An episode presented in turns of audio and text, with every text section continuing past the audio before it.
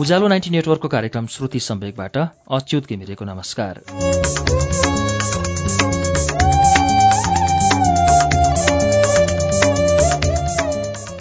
उज्यालो ninety network काठमाडौँसँगै देशभरिका विभिन्न FM स्टेशनहरूबाट एकैसाथ हरेक मंगलबार र शुक्रबार राति सभा नौ बजे कार्यक्रम श्रुति सम्वेक प्रसारण हुन्छ।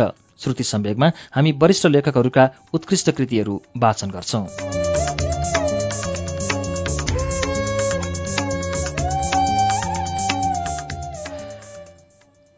श्रुति सम्वेकको आजको श्रृङ्खलामा पनि हामी बुद्धिसागरको उपन्यास कर्णाली ब्लुजको वाचन लिएर आएका छौं। कर्णाली ब्लुजको वाचनमा लेखकका पिता सुर्खेत गएका छन्। अब के हुन्छ सुनौ? श्रृङ्खला चौधबाट पृष्ठ दुई सय सत्तरीबाट।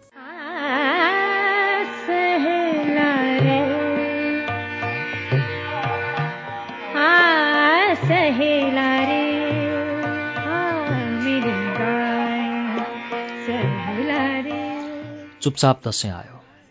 चुपचाप आमाले मलाई टिका लगाइदिनु भयो चुपचाप मैले थापेँ। कठै यस्तो दसैँ त कहिल्यै आएको थिएन। आमाले सेल पकाउनु भयो सेल पकाउँदा पकाउँदै दिदी र बाला सम्झेर भक्कानिनु भयो तिहारका बेला पहिला त कटासी मैनबत्तीले झलमल्ल हुन्थ्यो। सालका घना जङ्गलमा बजारका केटाहरू आलु बम पड्काउँथे रकेट बम उडाउँथे। पुलिसले लखेट्थ्यो भाग्दै केटाहरू अर्को दिशामा पुगेर फेरि बम पड्काउँथे। रातभर कटासेको आकाशमा रकेट बम पड्किन्थ्यो। यो वर्ष त केही भएन। जन्म जन्मको सगन भूले अब के मिले सब चुराना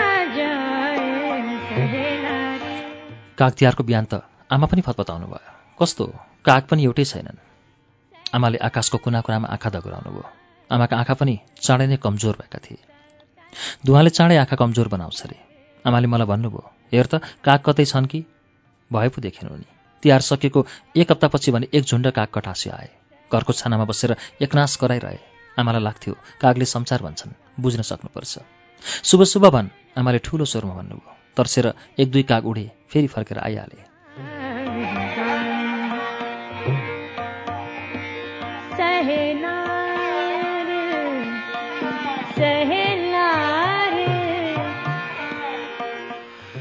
त्यही दिन बा आइपुग्नुभयो। मैले चौरामाथिको पुल पारी देखेँ। बा गरुङको झोला बोकेर आउँदै हुनुहुन्थ्यो। यसपल्ट बाको टाउकोमा ढाका टोपी थिएन। म घोडा झैँ बुरुको उफ्रँदै बा छेउ पुगेँ बा मलाई देखेर हाँस्नुभयो। म बाका गोडातिर झुकेँ।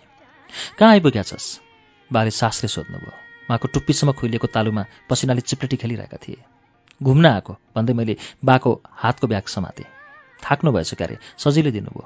म ब्याग बोकेर ठमठमी अघि अघि हिँडेँ।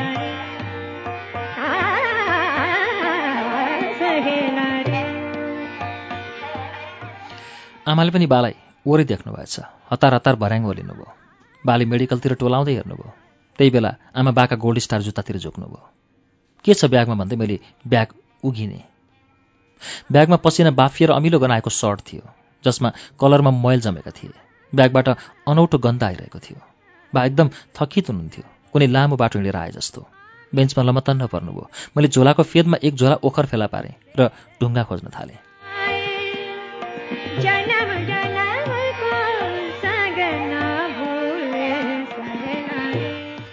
ए दाँते हो। अलिकति मुन्टो उठाउँदै बाले भन्नुभयो दाँतले टोक्न।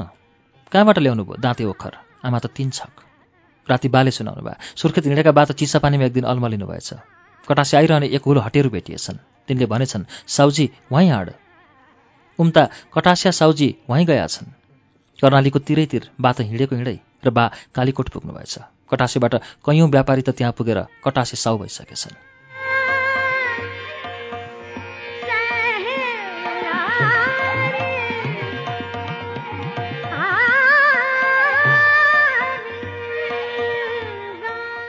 मौसम ठन्डा छ। बाले भन्नुभयो सात दिन पानी खाँदा पेट ठिक भयो। कालीकोट पुगेपछि बाला लाग्यो रे गाडी र बाटो पुगेपछि कालीकोट स्वर्ग भन्छ। त्यसैले बा कालीकोटमा कपडा पसल खोल्ने सुरमा हुनुहुँदो रहेछ। म छक्क कपडा पसल? अब कालीकाट जाम बाले भन्नुभयो। मैले भनेको त मान्ने नै होइन। छि आमाले कञ्चट समाउनु भयो फेरि कालीकोट जाम रे। जान्न म त। सोझै सुर्खेत जानु पर्दैन। के को इख हो सुर्खेतदेखि?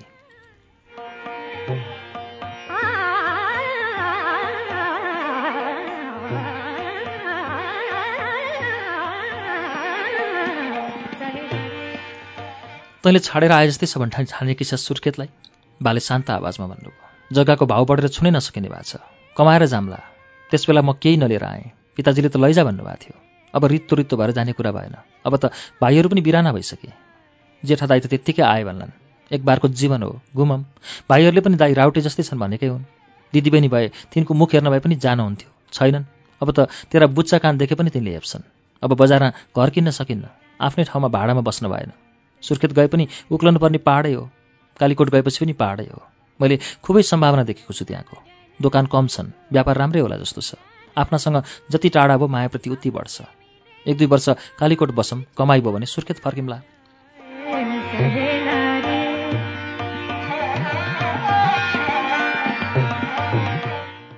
कहिले हो कमाउने? कालले घिच्याउने बेला भइसक्यो।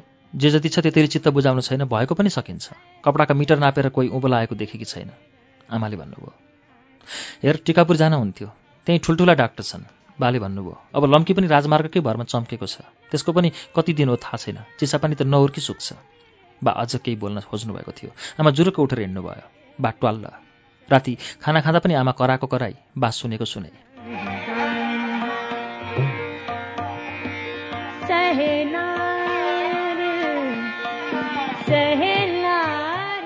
मैले सबै मिलाएर आएको छु। सुत्ने बेला बाबा बाले भन्नुभयो राम्रै कमाइ हुन्छ कि? अब मेडिकल गर्न म सक्दिनँ। आमा ठुस्छ र मैले माने अहिलेसम्म तैँले भनेको मैले मानेको छैन। बा निराश हुनुभयो। अब मैले अन्तिमपल्ट भनेको मान छ महिना जति कालीकोट बसौँ भएन भने सुर्खेत चरमला ल छ महिना आमाले गहिरो आवाजमा भन्नुभयो। मैले भने रातभरि नै सोचेँ कता हो कुन्नी कालीकोट? कस्तो छ कुन्नी? मसँग धेरै प्रश्न थिए।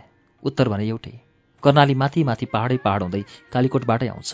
त्यही कर्णाली चोइटिएर अमौरी खोला बन्छ। कटासी आउँछ र मटेर जान्छ। ल त कालीकोट जाम। हामीलाई पहाडले बोलाछ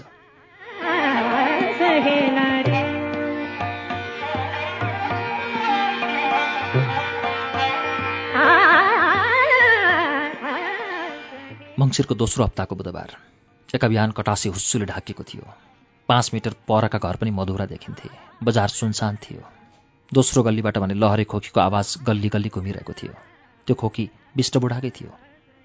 कटासी झैँ मेरो पेट पनि एकदम चिसो भइसकेको थियो। बेला बेला बाउडिन खोज्थ्यो त बेला बेला मचमची सुरु हुन्थ्यो। त्यही बिहान मैले खुब सोचेँ के के लैजाउँ?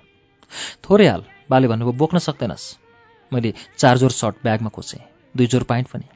एक जोर धुलो भरिएको जुत्ता थिए। ती ब्यागमा कोच्यो भने सर्ट मैलिन्छन् के गरौँ? ती नहाल पछि ल्याम्ला। आमाले रोटी बेल त यसो हेर्नु भन्नुभयो किताब के गरौँ?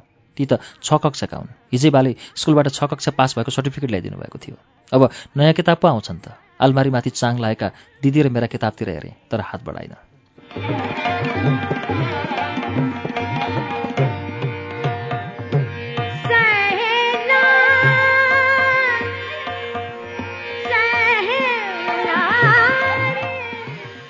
धेरै चिज पो लैजाम्ला जस्तो लागेको थियो। अहिले केही भेटिरहेको थिइनँ मटेरा छाड्ने बेला मगर मामाले दिएको खुर्पेटो देखियो। कुनाको भित्तामा झुन्डेको थियो। मटेरा छँदा खुब मन पर्थ्यो। अहिले मन पर्दैन। त्यत्तिकै छाडिदिएँ।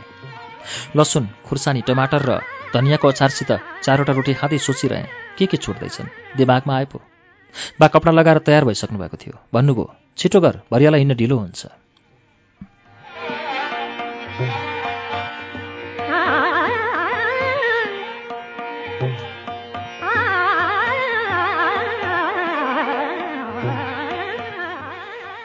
बाले आठ भारी कपडा र फलाम चिसापानीमा थुपार्नु भएको छ अरे।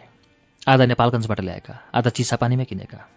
अस्ति आइपुगेका भरिया भारी बोकेर आजै हिँड्ने तयारीमा छन् रे। म तिनै भरियासँग उकालो उक्लिनेछु। सुर्खेतमा अलिकति काम छ अरे। बाह्र आमा त्यतै जानुहुनेछ र म पुग्नु अगाडि नै हेलिकप्टर चढेर कालीकोट पुग्नुहुनेछ हिँड्ने बेला एकछिन थोत्रिएको साइकल हेरेँ। दिल्लीभरि खिया छन्।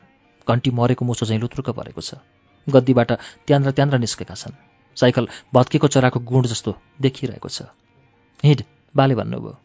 राम्ररी हिँड्नु आमाले मलिन आवाजमा सम्झाउनु भयो बाटाका डिलै डिल नहिँड्नु। गएपछि कहिले कटासी फर्किन्न? मलाई थाहा थियो। मन किन यस्तो भरङ्ग थियो? पेट बाउडिन लागेको थियो। मैले आमालाई डोगेँ।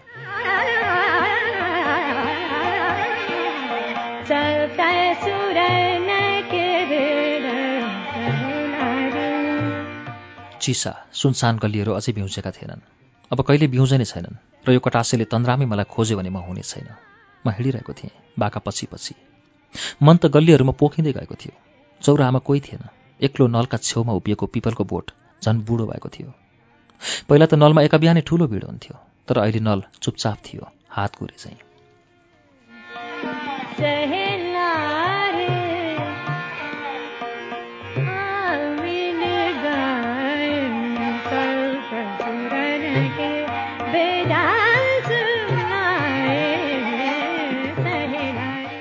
चौराका तिन चारवटा होटलमा भित्रपट्टि टुकी दिप्ती पाइरहेका थिए। सबै होटलवाला निद्रामै होलान्। हाम्रा पैतालाको आवाज कसैले सुनेन। बा अघि अघि फट्याक फट्याक चप्पल फड्कार्दै हिँडिरहनु भएको थियो। बेला बेला पछाडि फर्केर हेर्नुहुन्थ्यो। म पछाडि छु दगरी जस्तो गर्थेँ। अमौरी खोलाको किनारै किनार हिँड्दा तर्सेका भ्यागुत्ताले फुत्त फुत्त अमौरी खोलामा हाम फालिरहे। मैले सम्झेँ एकराज रमेश पूर्ण यज्ञ रतन र म यसै गरी हाम फाल्थ्यौँ। मैले साइकल चढेर फन्का मारेका सारा वन चुपचाप थिए। सन्नाटा भरिएको थियो। म पछाप छोड्दै हिँडिरहेँ। अबेरपछि पर रुखहरूको चेपबाट निलो र शान्त कर्णाली देखियो। यसरी मैले एका बिहानै कटासे छाडेँ।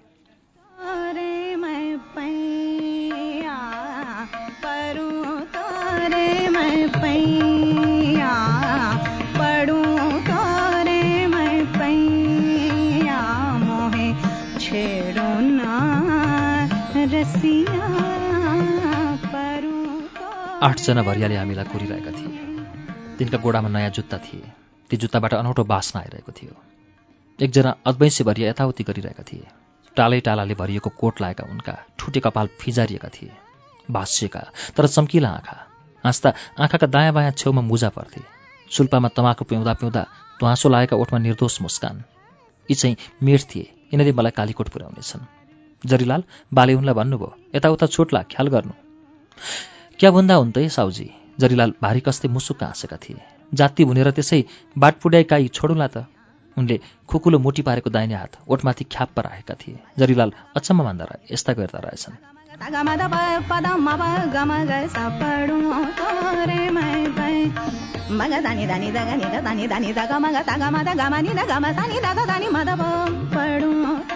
मैले अरू सातजना भरियालाई निहालेँ। ती त पहाडबाट झर्दा ज्यानमै पसिना ढुसी परेर अमिलो गनाइसकेका थिए। यसरी ज्यान गनाएकासित मैले सात दिन हिँड्नु थियो। के सँगै पनि सुत्नु पर्ला? भनन्न रिङ्गाउन थाल्यो।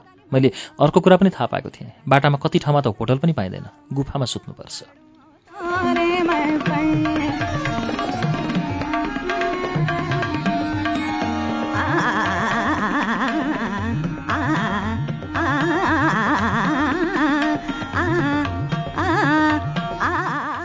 आठ भारी तयार। भरियाले एक किलो सामान कालीकोट पुऱ्याएको तिस रुपियाँ पाउँथे। सबैका भारी पचास र साठीको बिचमा थिए। फेरि ती भारीमाथि आफ्ना लागि नुन थिए र डोकामा पाँच पाँच लिटर मट्टीतेलका ग्यालन पनि झुन्डेका थिए। कसैले चुरा पोतेर टेकुली पनि किनेका थिए। दिए त साउजी हामी बाइगियम। जरीलालले दुवै काँधमा नाम्लाको मुख छिराउँदै डोकोसँगै दङदङ्गिँदै उठे। उठ्दै भने आठजना भरियाले पालै पालो अलिकति निहुरिएर जदौभन्दा बाले अलमलिँदै नमस्कार फर्काउनु भयो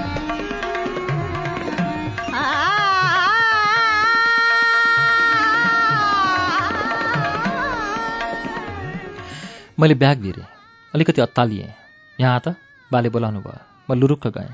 बाले स्टकोटको जेबबाट सय सयका तिनवटा नोट झिकेर मेरा हत्केलामा राखिदिनु भयो मैले चुपचाप पाइन्टको गोजीमा कोचेँ जहाँ पायो त्यहीँ खर्च नगर्नु।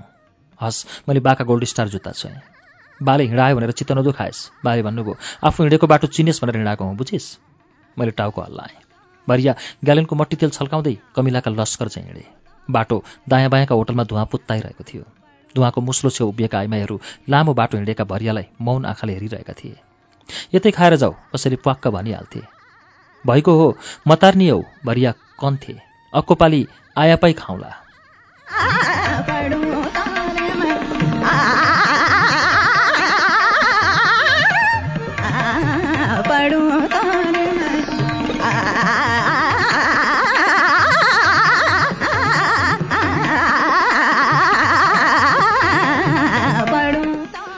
कर्णालीको किनार हिँड्दा मैले अचानक देखेँ एउटी केटी उकालो उक्लिँदै थिए। कम्मरमा आल्मुनियमको टल्किरहेको घाग्री थियो। उसको पछाडितिर निलो कर्णाली बतासको कम्पनले मुजा पर्दै हल्लिरहेको थियो। म टक्क बाटा छेउ उभिएँ सुपारी फुल जस्ता निला बुट्टा भएको सरवाल कुर्ता लगाएकी केटी एकछिन हिँड्थे र एकछिन अडिन्थे। मैले भरियातिर हेरेँ ती बिस्तारै हिँडिरहेका थिए। दुई उफ्राइमै भेटी त हालौँला सोचेँ एकछिन उभिए के नै होला र? केटीलाई चिने जस्तो पो लागिरहेको थियो। हो कि क्या हो? केटीले थाके चाहिँ फेरि टक्क अडिँदै माथि हेरी। मलाई देखेँ कि देखिनँ। फेरि अलिकति उक्ली र माथि हेरी। मेरो आँखा चिम्सा भए टाढा हेर्दा यस्तै हुन्छ। केटी फेरि उक्ली धत शर्मिला नै रहेछ। मैले हात हल्लाएँ।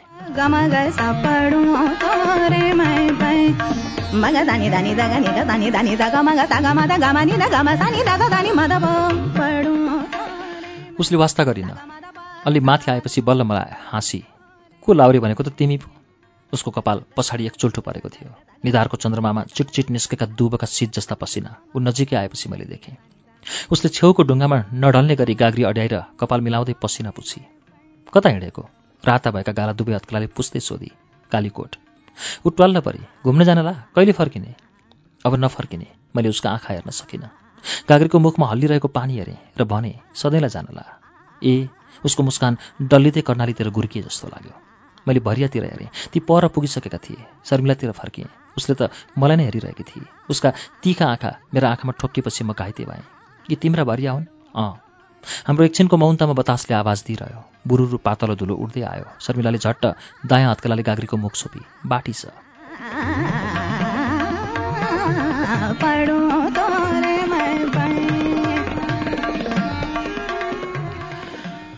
उता गएर जुम्ली भए पनि नबिर्स ल। खिस्सा हाँसी बिर्सिन्न मैले कन्दै भने भरिया टाढै पुगिसकेका थिए। मेरो पेट कटक्क दुख्यो। म के गरौँ? जाऊ त उसले भने। मैले उसको अँध्यारो अनुहारतिर पुलुक्क हेरेँ। अन्तिमपल्ट शर्मिलालाई ग्वाम्लाङ्ग अँगालो हालेर रुन मन लाग्यो। मेरा कानका रोती राता भइसकेका थिए। अनुहारको छाला तन्किरहेको थियो। मेरो आवाज माछाको काँडा चाहिँ घाँटीमै हल्छियो। म भुइँ हेर्दै अघि बढेँ। सुन त के? म फर्किएँ। उसको ओठमा मुस्कान फक्रेको कस्तो राम्रो? नडाँटी भन त हाँसको मासु कस्तो थियो? ज्या मलाई काउकुती लाग्यो। मन छ्याङ्ग खोल्यो आकाश जस्तो। म लजाएँ। यसपल्ट भने कति पनि रिस उठेन। झन् कस्तो मजा लागेको म लाजले गाला राता भएको महसुस गर्दै कराएँ। टर्रो टर्रो। कस्तो कस्तो? र दगुरेँ। बेसमारी दगुरेँ। पछाडि फर्केर हेरिनँ। मैले बासी त यो कुरा सिकिसकेको छु।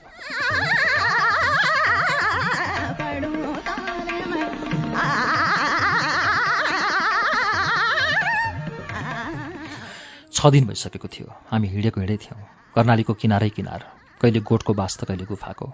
एक दुई दिन त म भरियाको भाषा नबुझेर हैरान। त्यसैले मैले नबुझेको कुरा जरिलालाई अर्थाइदिन्थेँ। अघिल्लो दिन मलाई हनहनी ज्वरो आएको थियो। जरिलाले भात पकाएर खुवाएका थिए। मैले पहिला खाना मानेको थिइनँ। जरिलाले सम्झाएका थिए क्या भई मान्दा छौ त साउजी? मैले छोयामाल तुमीले खाए पनि को दिन क्या हँ? अनि मैले खाइदिएँ। राति रनेले किनेर ल्याएको हरियो नयाँ कम्बल पनि ओढ्नलाई दिएका थिए।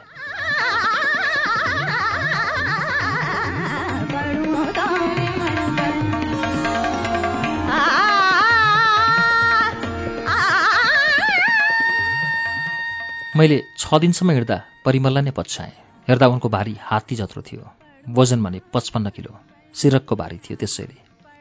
बाटोमा भेटिएका मानिस पनि परिमलको भारी देखेर छक्क पर्थे। त्यही भएर मणिपाल ईर्ष्या गर्थे। उनको भारी हेर्दा सानो देखिन्थ्यो तर वजन थियो पैँसठी किलो। हिँड्दा पनि सबैभन्दा पछाडि हुन्थे। मौका पर्दा परिमललाई छेड हानिहाल्थे। त्यसै कहाँ चोडिदो छै त र उनले उसको भारी सानो भएको बताएका थिए।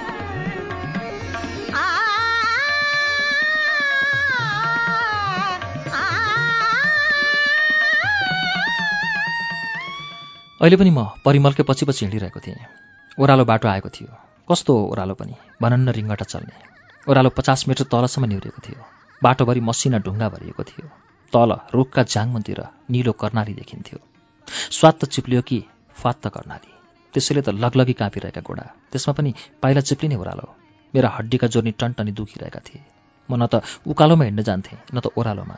उकालो त आफ्नै सुरले उक्ले भइगयो। ओह्रालोले त स्वात्त आफूतिर तान्थ्यो।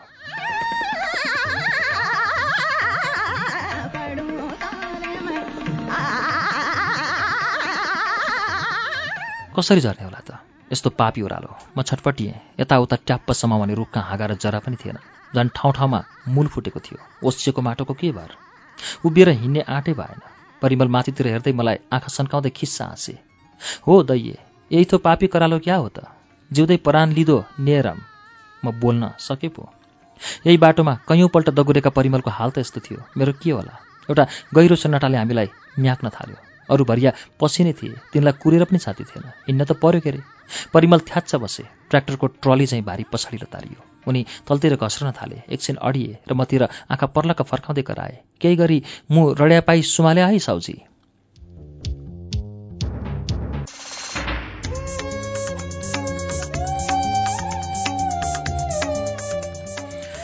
कार्यक्रम श्रोती सम्वेकमा हामीले अहिले सुनिरहेको वाचन बुद्धिसागरको उपन्यास कर्णाली ब्लुजको वाचन हो। यसको बाँकी अंश केही बेरमा वाचन हुनेछ। उज्यालो सुन्दै गर्नुहोला।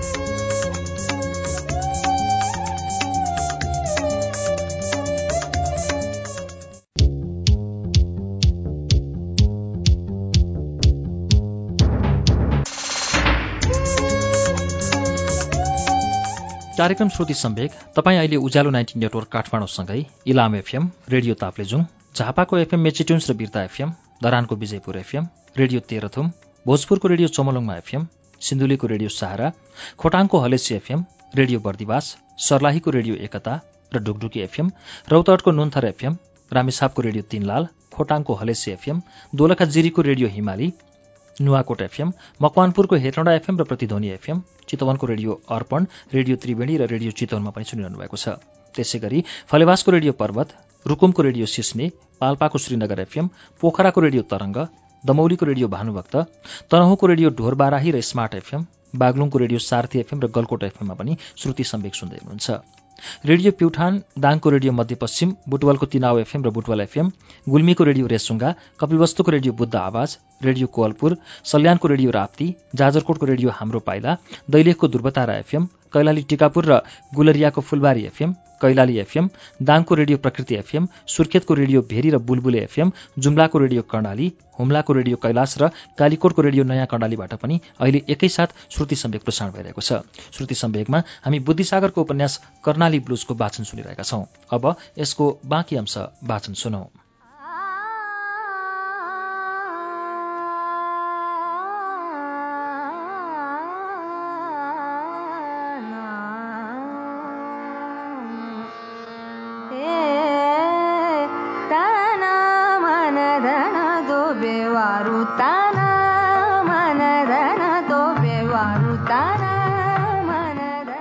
एउटा गहिरो सन्नाटाले हामीलाई न्याक्न थाल्यो। ट्र्याक्टरको टली चाहिँ भारी पछाडि लतारियो। उनी तलतिर कस्रिन थाले। एकछिन अडिएर मतिर आँखा फर्लक्क फर्काउँदै परिमल कराए केही गरी म रड्यापै सुमाल्या है साउजी? खै उनी चिप्लिहाल्यो भने मैले कसरी समाउने होला? उनी अघि सरे। उनको जुत्ताले धकेलेको ढुङ्गो ढुनमुनिँदै गुल्टियो र धुलो उडाउँदै कर्णालीमा खस्यो।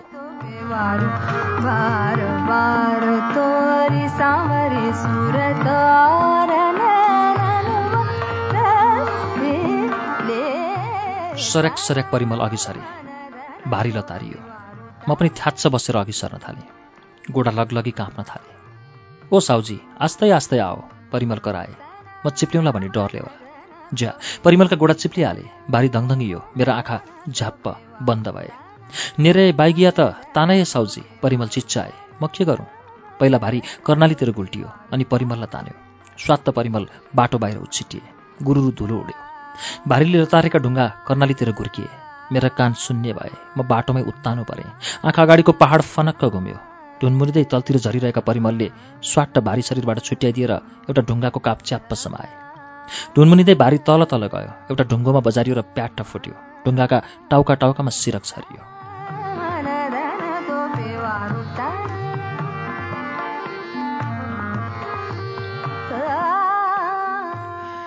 थोक्कैले बाइकिया छिया। परिमलले हिंसा हाँस्दै भने बल्ला सास आयो। परिमलले डरले फुस्रा भएका आँखाले मलाई हेरे। मेरो शिरमाथि भुइँचालो आए जस्तो कम्पन हुन थाल्यो। अत्तालिँदै मैले माथितिर हेरेँ। जरिलालहरू भारी छाडेर हामीतिर दगुरिरहेका थिए।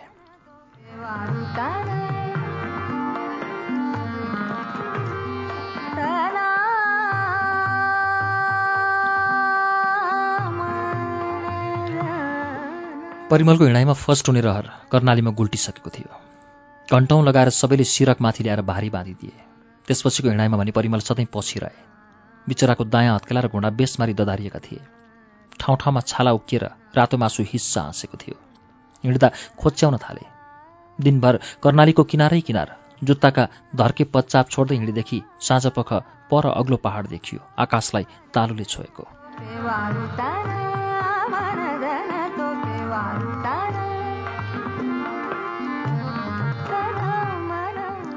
हामी पुग्ने ठौर त्यही डाँडो भोलि पुग्ने आउवा हरानीका थुप्रै थुप्राले भरिएको फराकिलो चौरमा भारी बिसाएपछि जरिलाले त्यही पहाडको तालु देखाउँदै भने मैले चिम्सा आँखाले गहिरिएर हेरेँ।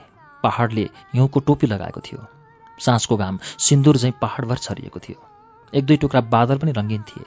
पहाडको छातीबाट मसिनो धर्को जस्तो हिउँ नदी झरिरहेको थियो। पहाडको नाभिनेर ससाना चम्किला बालुवाका थुप्रा जस्ता घरका छाना टल्किरहेका थिए। बा आमा त त्यहाँ पुगिसक्नु भयो होला। म अबेरसम्म त्यतै हेर्दै टोलाइरहेँ। त्यही पहाडबाट उड्दै उड्दै आएको चिसो बतासले शरीर सुमसिमाउन थाल्यो। सिरिङ्ग भयो।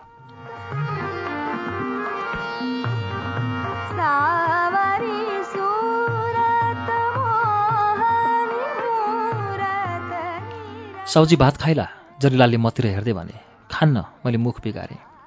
ज्वरोले न्याक्दा भातको अमन बढाएको थियो। भात देख्यो कि उक्क उक्क हुन्थ्यो।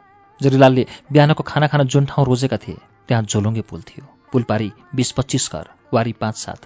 हामी यही पुलबाट पारी जानु पर्थ्यो चाउचाउको कार्टुन च्यापेर साउजीले घरको बाहिरपट्टिको खामोमा टाँसेका थिए। त्यसमा रातो साइन पनि लेखेको थियो खुलालु होटेल।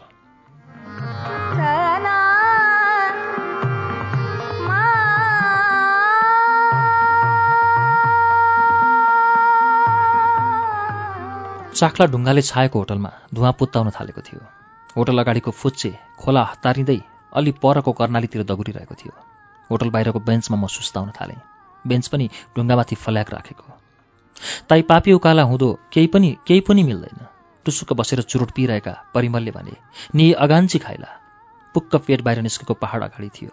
पहाडभरि ढुङ्गै ढुङ्गा। कहीँ कहीँ हरिया टाटा र ससाना रुख देखिन्थे। त्यति हो। एक दिनमा त्यही पहाडको तालु टेक्नु थियो।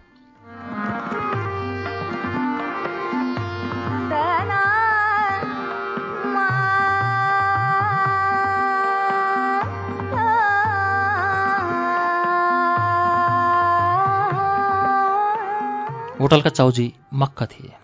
सुरुवालले झोलिएको शरीर नचाउँदै यताउता दगुरिरहेका थिए। धारामा गएर पानी ल्याए तोरीको साग पखाले। सागका त्यान्द्रा छुट्याउँदै सोधे कसका भारी हुन्? कटास्या साउजी हो। यी भाइ को हुन् त? साउजीले पनि मतिर हेर्दै सोधे यी कटास्या साउजी या छोरा हुन्? जरिलालले अगेनाबाट अगुल्टो झिकेर सुर्पामाथि राख्दै एक सर्को तानेर भने पहिली बार कालीकोट आउँदैछन्। साउजी सागको मुठोको फेद निमोर्दै मतिर हेरेर हाँसे म गजक्क परेँ।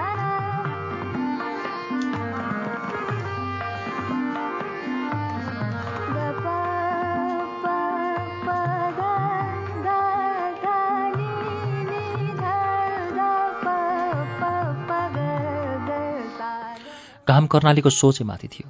बाह्र बजेको घाम न हो। खाना खाएर भरिया लहर हिँडे। पुल तरेर पारी पुग्दा घरका पिँढीमा माखा भन्किरहेका थिए। टाढा टाढा केटाकेटी कराएको सुनिन्थ्यो।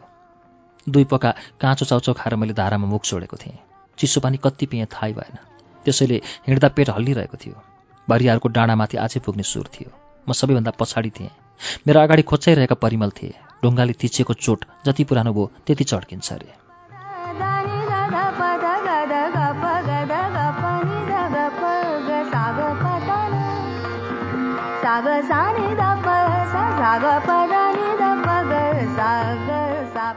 एउटा घरको कुनामा एउटा बुढा मानिस थिए। भेडाको उनको डल्लो हातमा समाएर तलतिर भुरुङ नचाइरहेका पिँढीमा थ्याच्छ बसेका थिए। उनले भरियालाई ट्वाल्ल पर्दै हेरे मैले बुढालाई निहालेँ ठ्याक्कै भागीराम कस्तो काटीकुटी मिलेको। बा भन्नुहुन्थ्यो संसारमा एउटै अनुहारका सात मान्छे हुन्छन्। कहोर जाइटो? भागीरामले सोधे चाहिँ उनले सोधे कहाँ धस्क्यौ त? मानमा भन्दै परिमल उकालोले पहिलो खुड्किलो उक्ले। माथि तन्किँदा पिडोलाका नसा बाहिर निस्कुला चाहिँ तन्किए। बुढाले पछि पछि हिँडिरहेको मलाई हेरेँ। मैले पर पुग्दासम्म पनि फर्की फर्की उनलाई हेरेँ।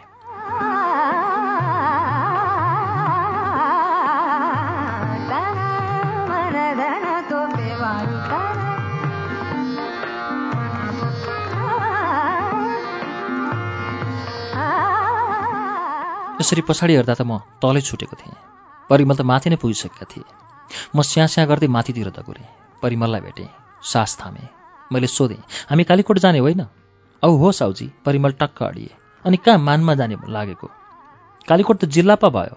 उनले अलिक ठुलो स्वरमा सुनाए। हामी त सदरमुकाम मानमा पो जाने हौँ त। सदरमुकाम? मैले बुझिनँ। तैपनि बुझे चाहिँ गरेँ। लौ आयो पुलिस चौकी। ढुङ्गाको पर्खाल लगाएको। दुईजनाले बन्दुक समाएर एउटा पुलिस उभिएको थियो। पसिना र दारीले अनुहार छापिएको। एक तले दुईटा घर थिए। पर्खालभर सुकाइएका थिए। पाइन्ट र सर्ट जाँगे र मोजा तल कालोपट्टि र माथि आकाशे रङको भित्ताले मात्र लाग्थ्यो यो चौकी हो।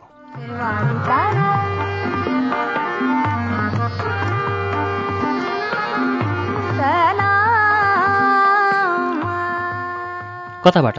पुलिसले सोध्यो। भरियाले लहरै भारी बिसाए पर्खालमाथि।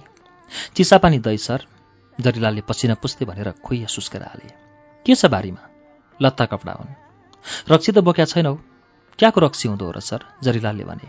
म पर्खालमा अडेस लाग्दै टुलु टुलु हेर्न थालेँ। ल भारी खोल। केही नै त्यसै हामीकन बार मात्त होला सर। खोल खोल पुलिसले भन्यो। कर्तव्य त पुरा गर्नु पर्यो नि। पुलिसले कपडाका थान थान खोल्दै हेर्न थाल्यो। थान फनफनी फुकाउँदा पर्खालभर कपडाको थुप्रो लाग्यो। भरिया टुलु टुलो हेर्थे। पालो आएपछि आफ्नो बारीका थान फनफनी फुकाउँथे। उनीहरू मुरमुरेका थिए। तर के गरून्? बारी बाँध्न डेढ घन्टा जति लाग्यो।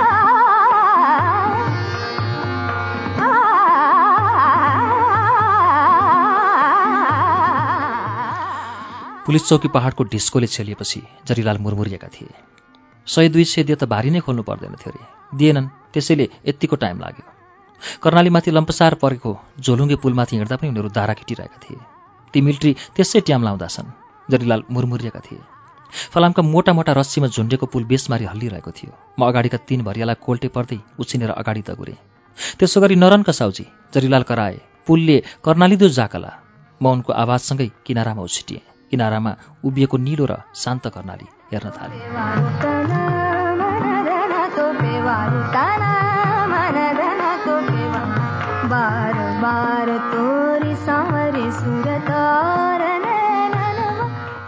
वात्तै तालुमा खस जस्तो पहाडको फेदमा जरिलालको आदेश आएपछि भरिया लहरै सुस्ताए। चुरोट र तमाखु सल्काए। धुवा पहाडका खोड्किला उक्लिन थाल्यो। मरेको भैँसीको हाड थुप्रिए जस्तो पहाडमा जताततै तिखा ढुङ्गा निस्केका थिए। काप कापमा लेउ लागेको थियो। यस्तै कापमा विषालु सर्प गुडुल्केका हुन्छन् रे। भरिया थकित थिए ओठ पनि यही पहाड झैँ सुकेका।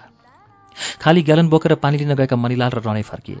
बाटोभन्दा पन्ध्र मिनट जति पर मूल फुटेको रहेछ र यो बाटोको अन्तिम मूल त्यही हो रे। डाँडा नपुगी पानी मिल्दैन जरिलालले भने नि खाइल साउजी। मैले मणिलालको हातबाट ग्यालेन लिएँ रुद्रगण्टी र छाती बिजाउँदै घटघटी पानी पिएँ। पेटभित्रको फुक्का चाउचाउ फुल्न थाल्यो।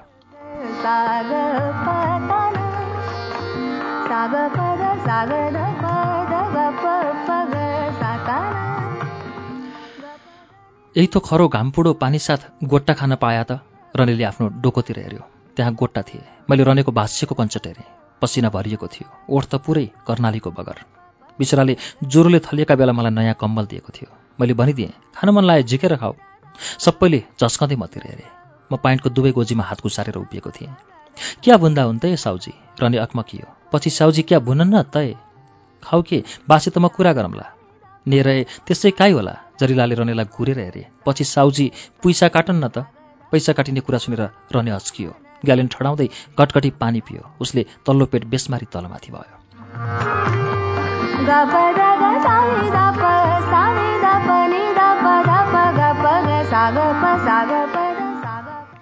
गुरुरु धुलो उडाउँदै खच्चड तल झरिरहेका थिए। सदरमुकाममा भारी फालेर आएकोले होला। उन्मुक्त देखिन्थे।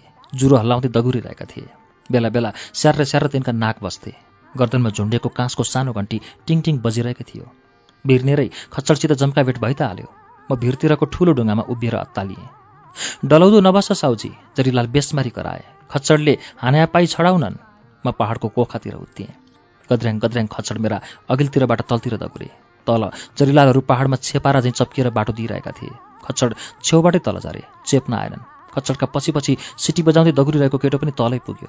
तुलोमा उसको क्याप टोपी मात्र देखियो। त्यो पनि एकछिनमा देखि नै छाड्यो।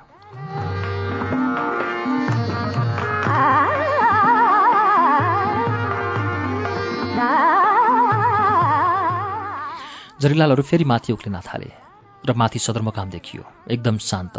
घरका छाना पानीको ताल चाहिँ टर्किरहेका थिए। म एकछिन थकाइ मार्न थ्याच्च बसेँ। भरि आइपुगेँ। एकछिन सुस्ताए। फेरि हिँडेँ। ती बोलिरहेका थिएनन्। केवल बतास चाहिँ सुसाउँथे। म भरियालाई उछिनेर फेरि माथि पुगेँ। भरिया मलाई हेर्दै तनक्क तन्किन्थे। म दुई कदम हिँड्थेँ। बनन्न रिङ्गटा चल्थ्यो। थ्याच्च बस्थेँ। तालुमा आगो भरभराए जस्तो लाग्थ्यो। थुक निल्दा रुद्रघण्टी पनि किक्लिक्क बिस्तारै माथि सर्थ्यो। कति भेटिए त पानीको मूल नै रित्ताउँथे म कन्दै उकालो उक्लिएँ।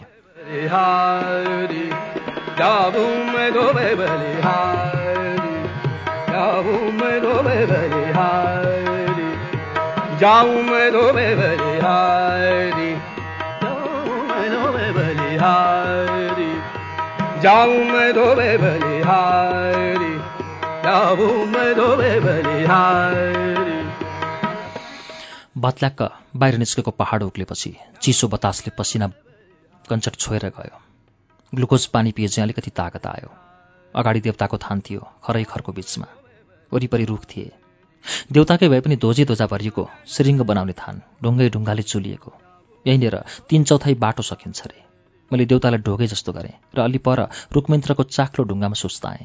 पालै पालो भरियाहरू फुत्त फुत्त पातालबाट धरतीमा उक्लिए। यी मेहलका रुख छन् र त थकाइ मार्न पाइन्छ। भारी ढुङ्गाको चेपमा अड्याउँदै जरिलालले भने दे त साउजी तुमी त आजै पुगी जाउला। तपाईँको घर कता? मैले सोधेँ। जरिलालले तल खुम्चेको कर्णालीतिर देखाए उत्तरतिर। कर्णाली पारी पल्लो पहाडको छेउमा ढुङ्गा जस्ता गर्थे। हाम्रो गाउँ त त्यही सिरिजिउला। उनले भने आइक्या पुगम्ला? म टोलाएँ। कति उराट लाग्दो ठाउँ पहाडको फेदमा। यहाँबाट पो पुग्दा रहेछन् हटेरू कटासेसम्म छेउमै कर्णाली सिरिजिउला हुँदै अझ माथि माथि गएको रहेछ। माथि माथि मधुरा पहाड थिए। हिउँको क्याप लगाएका। हामी फेरि हिँड्यौँ। म नै अघि लागेँ। एकछिनमा त माथि नै पुगेँ। माथि अर्को पहाडको डिस्को थियो। बतास जोडले चल्न थालेको थियो। त्यसैले मेरो सर्ट गुब्बारा चाहिँ फुल्न थाल्यो। बतास तलतिरबाट माथि हुरिरहेको थियो। कसैले बोलाए जस्तो लाग्यो।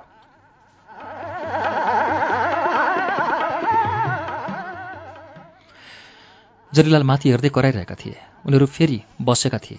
मैले कान थापेँ। बतासले उनको आवाज मसिनो पार्दै मसम्म ल्यायो दे साउजी अब बाई जाऊ जरिलाल भनिरहेका थिए। हामी कन त बार भइगयो।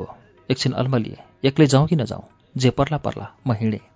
हेर्दा दुई उफ्राइमै नागुला जस्तो पहाडको डिस्को थियो। बिचमै पाइला फतक्क गले। म गोडालाई तार्न थालेँ। बाटो छेउका खर र काँडेदार झ्याङले शरीरभर कोतरेका थिए।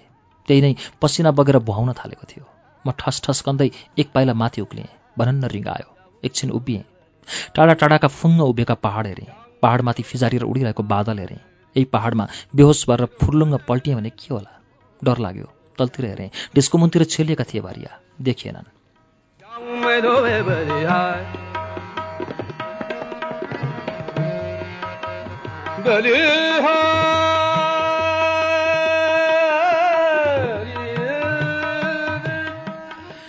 खुड्किला माथिको डिस्कोमा दुईवटा केटा बसेका थिए। बतास खाँदै। चिसो बतासले मेरो भब्बाइरहेको ज्यानका काप काप सुमसुमायो। मलाई बेहोसीबाट जुम्लुङ्ग बिउजिए जस्तो भयो। तमी त हाड्नै सक्यौ न त। ढुङ्गामाथि टाङ फैलाएर बसेको धुलाम्बे केटाले सोध्यो उमेर एघार वर्ष मैले अन्दाज गरेँ। अँ खसरावटमा जिब्रो घुमाउँदै सोधेँ यता पानी पाइन्न? कहाँ मिल्ला त? ढुङ्गामा अडेस लागेको अर्को केटोले भन्यो अस्पताल पुग्या पै पाइतो छ। कहाँ छ अस्पताल? ताई माथि। केटाले सोझै माथिको ढिस्को देखाउँदै भन्यो म थ्याच्छ बसेँ। कहाँबाट आया हौ कटासे। औ टाङ फैलाएको केटाले छक्क पर्दै सोध्यो कटासे साउजी हौ कि त? म बोलिनँ। हामी पनि हाडन सकेनौँ। भित्तामा अडेस लागेको केटाले मेरा जुत्ता हेर्दै भन्यो। मैले देखेँ केटाहरूको गोडामा रातो रङको फित्ता भएका हरिया चप्पल थिए कुर्कुच्चानिर दसिएका म फेरि बोलिनँ।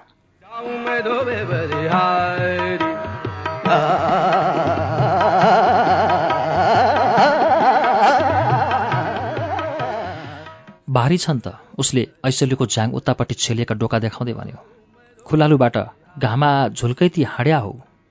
मानमा हिँड्या हौ? मैले सोधेँ। अँ ऊ हाँस्यो।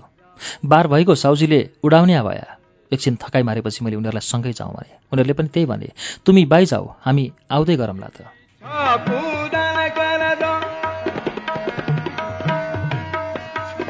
गरिब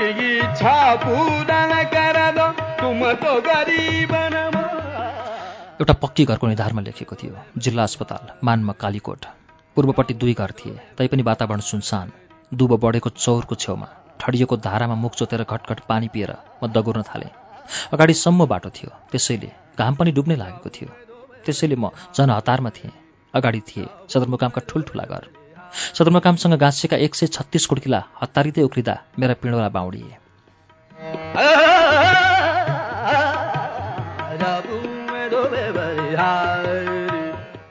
आखिर मैले सदरमुकाम टेकेँ। मेरो ठ्याक्कै अगाडि राजा वीरेन्द्र हात बाँधेर उभिएका थिए। उनलाई घेरेको पर्खाल नजिक हल्ला गर्दै केटाहरू क्यारम खेलिरहेका थिए भने बायाँपट्टि थिए सुन्तला र स्याउका खात। मानिस त्यसैमा जुम्बिएका थिए। कता होला हाम्रो दोकान भन्दै म चनाखो भएँ। बजारमा एउटै गल्ली थियो। गल्लीका दुवैतिर पसल थिए। राजाको शालिगबाट अगाडि एउटा बाटो पूर्वतिर तन्केको थियो। म त्यतै लागेँ। बाटोका दुवैपट्टिका पसलका दैलोनिर भिडै थियो। भित्र चियाउन गाह्रो। म लुखुर लुखुर अगाडि हिँडिरहेँ। अचानक पछाडिबाट एउटा हातले मेरो दायाँ नाडी च्याप्प समात्यो। मेरो सारा थकान त्यति बेला मर्यो त्यो हात भएको थियो।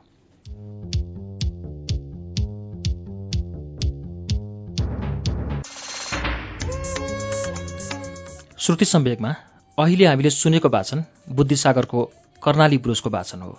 आजको श्रृङ्खलामा प्रयोग भएका स्थानीय भाषाको उच्चारणमा केही त्रुटिहरूका लागि क्षमायाचना गर्छु। यसै वाचनसँगै अब आजलाई कार्यक्रम श्रुति सम्वेकबाट बिदा लिने बेला भएको छ। बिदा हुनु अघि हाम्रो ठेगाना कार्यक्रम Shruti Samvek Ujyaalo ninety network post box number छ चार छ नौ काठमाडौँ। यदि तपाईँ इमेलबाट आफ्नो प्रतिक्रिया दिन चाहनुहुन्छ भने हाम्रो इमेल ठेगाना SHRUTI Shruti at UNN dot com dot NP हवस् त अर्को साता कर्णाली ब्लुजको अर्को श्रृङ्खला लिएर आउनेछौँ। त्यसअघि शुक्रबारको श्रृङ्खलामा कमलप्रसाद केवालीको पुस्तक कर्मको वाचन हुनेछ। आजका लागि प्राविधिक साथी दिनेश निरौला र म अच्युत घिमिरे विदा चाहन्छौ। शुभरात्री।